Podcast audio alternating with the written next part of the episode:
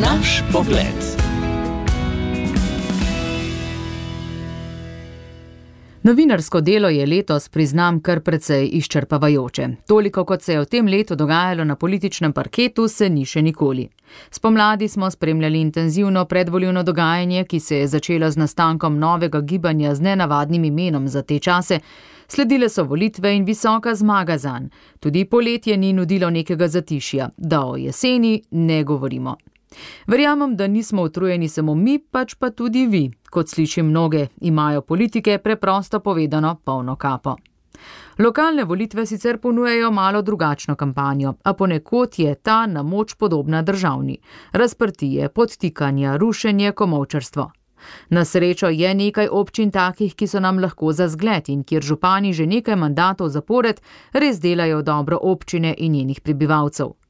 Mislili bi si, da dolgotrajnost županskega stolčka sicer potrjuje dobro delo in zaupanje, ki ga uživa nek župan, a dobro vemo, da povsod ni tako.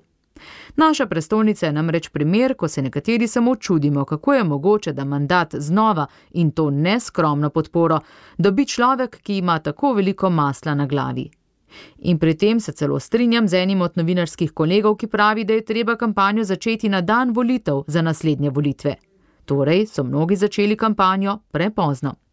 Čeprav ima Ljubljana porazen javni potniški promet, hudo stanovansko stisko, čeprav doživlja kolaps zdravstvenega sistema na primarni ravni, se teh problemov ne loteva na pravi način. A voljivci tega očitno ne berejo na enak način. Strašljivo je, koliko ljubljančanov nima svojega zdravnika, a očitno so zadovoljni že samo z obljubo, ki jo je izrekel župan, da bodo pač problem rešili.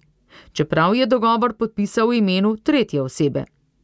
Vključiti namerava zdravnike iz nekdanjih jugoslovanskih republik in jim pri znanju slovenščine pogledati skozi prste, ponuditi jim tudi stanovanja, medtem ko mnoge mlade družine plačujejo visoke najemnine. Počasi bo Ljubljana postala mesto turistov in drugih neslovencev, pa to očitno nikogar ne zmoti. Roke je dvignil in iz odbora odstopil tudi nekdanji županski kandidat Anžel Logar, čež da je SDS v mestnem svetu dosegla preslab rezultat. Verjetno pa je v zadju te odločitve bolj kakšna druga njegova vizija, ki strankarsko politiko niti ni povezana. Kaj namerava, o kakšnih velikih novih zgodbah je Logar govoril na večer predsedniških volitev, namreč še vedno ni prav nič znano.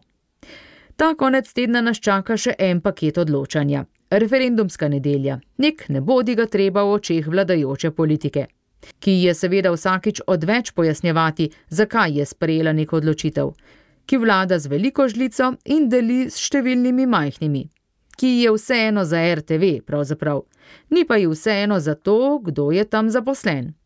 Kako naj si drugače razlagamo dejstvo, da financiranja ta zakon, ki ga je spisala, nikakor ne rešuje, naslavlja pa spremembo vodstvene strukture, ki ne rešuje problema stavke, naslavlja pa problem naših in vaših.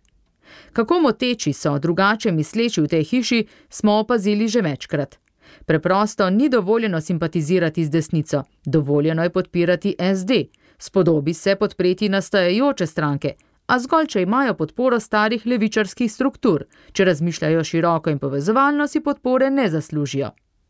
Prav in pravično je vabiti v oddaje kot komentatorje vse, ki jih požegnajo liberalno usmerjeni voditelji. Nikakor pa ni spodobno povabiti kot komentatorje nekoga, ki zna pretehtati in pohvaliti tudi kakšno gesto z desnice. Če pa ga že povabijo, ga voditelj uvede s poniževalnim tonom, tako kot je to doživel kolega Allen. Grozljivo je, kako uspe javnost še vedno nasesti, da se vladajoča stran zauzema za umik politike iz RTV-ja a vsakih nekaj let svoje novinarje za prijazno poročanje nagradi tako, da jih povabi na svoje kandidatne liste.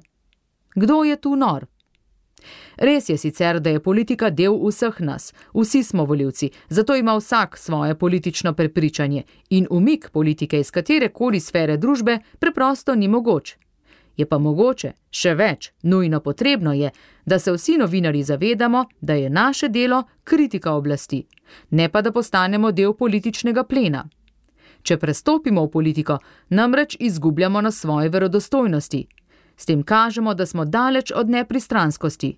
Pristranskost RTV-ja je dejstvo, a zgodila se ni včeraj, niti v času Janševe vlade, Zgodila se je že zdavnaj v prejšnjem sistemu, le da to nikoli do sedaj ni bil problem.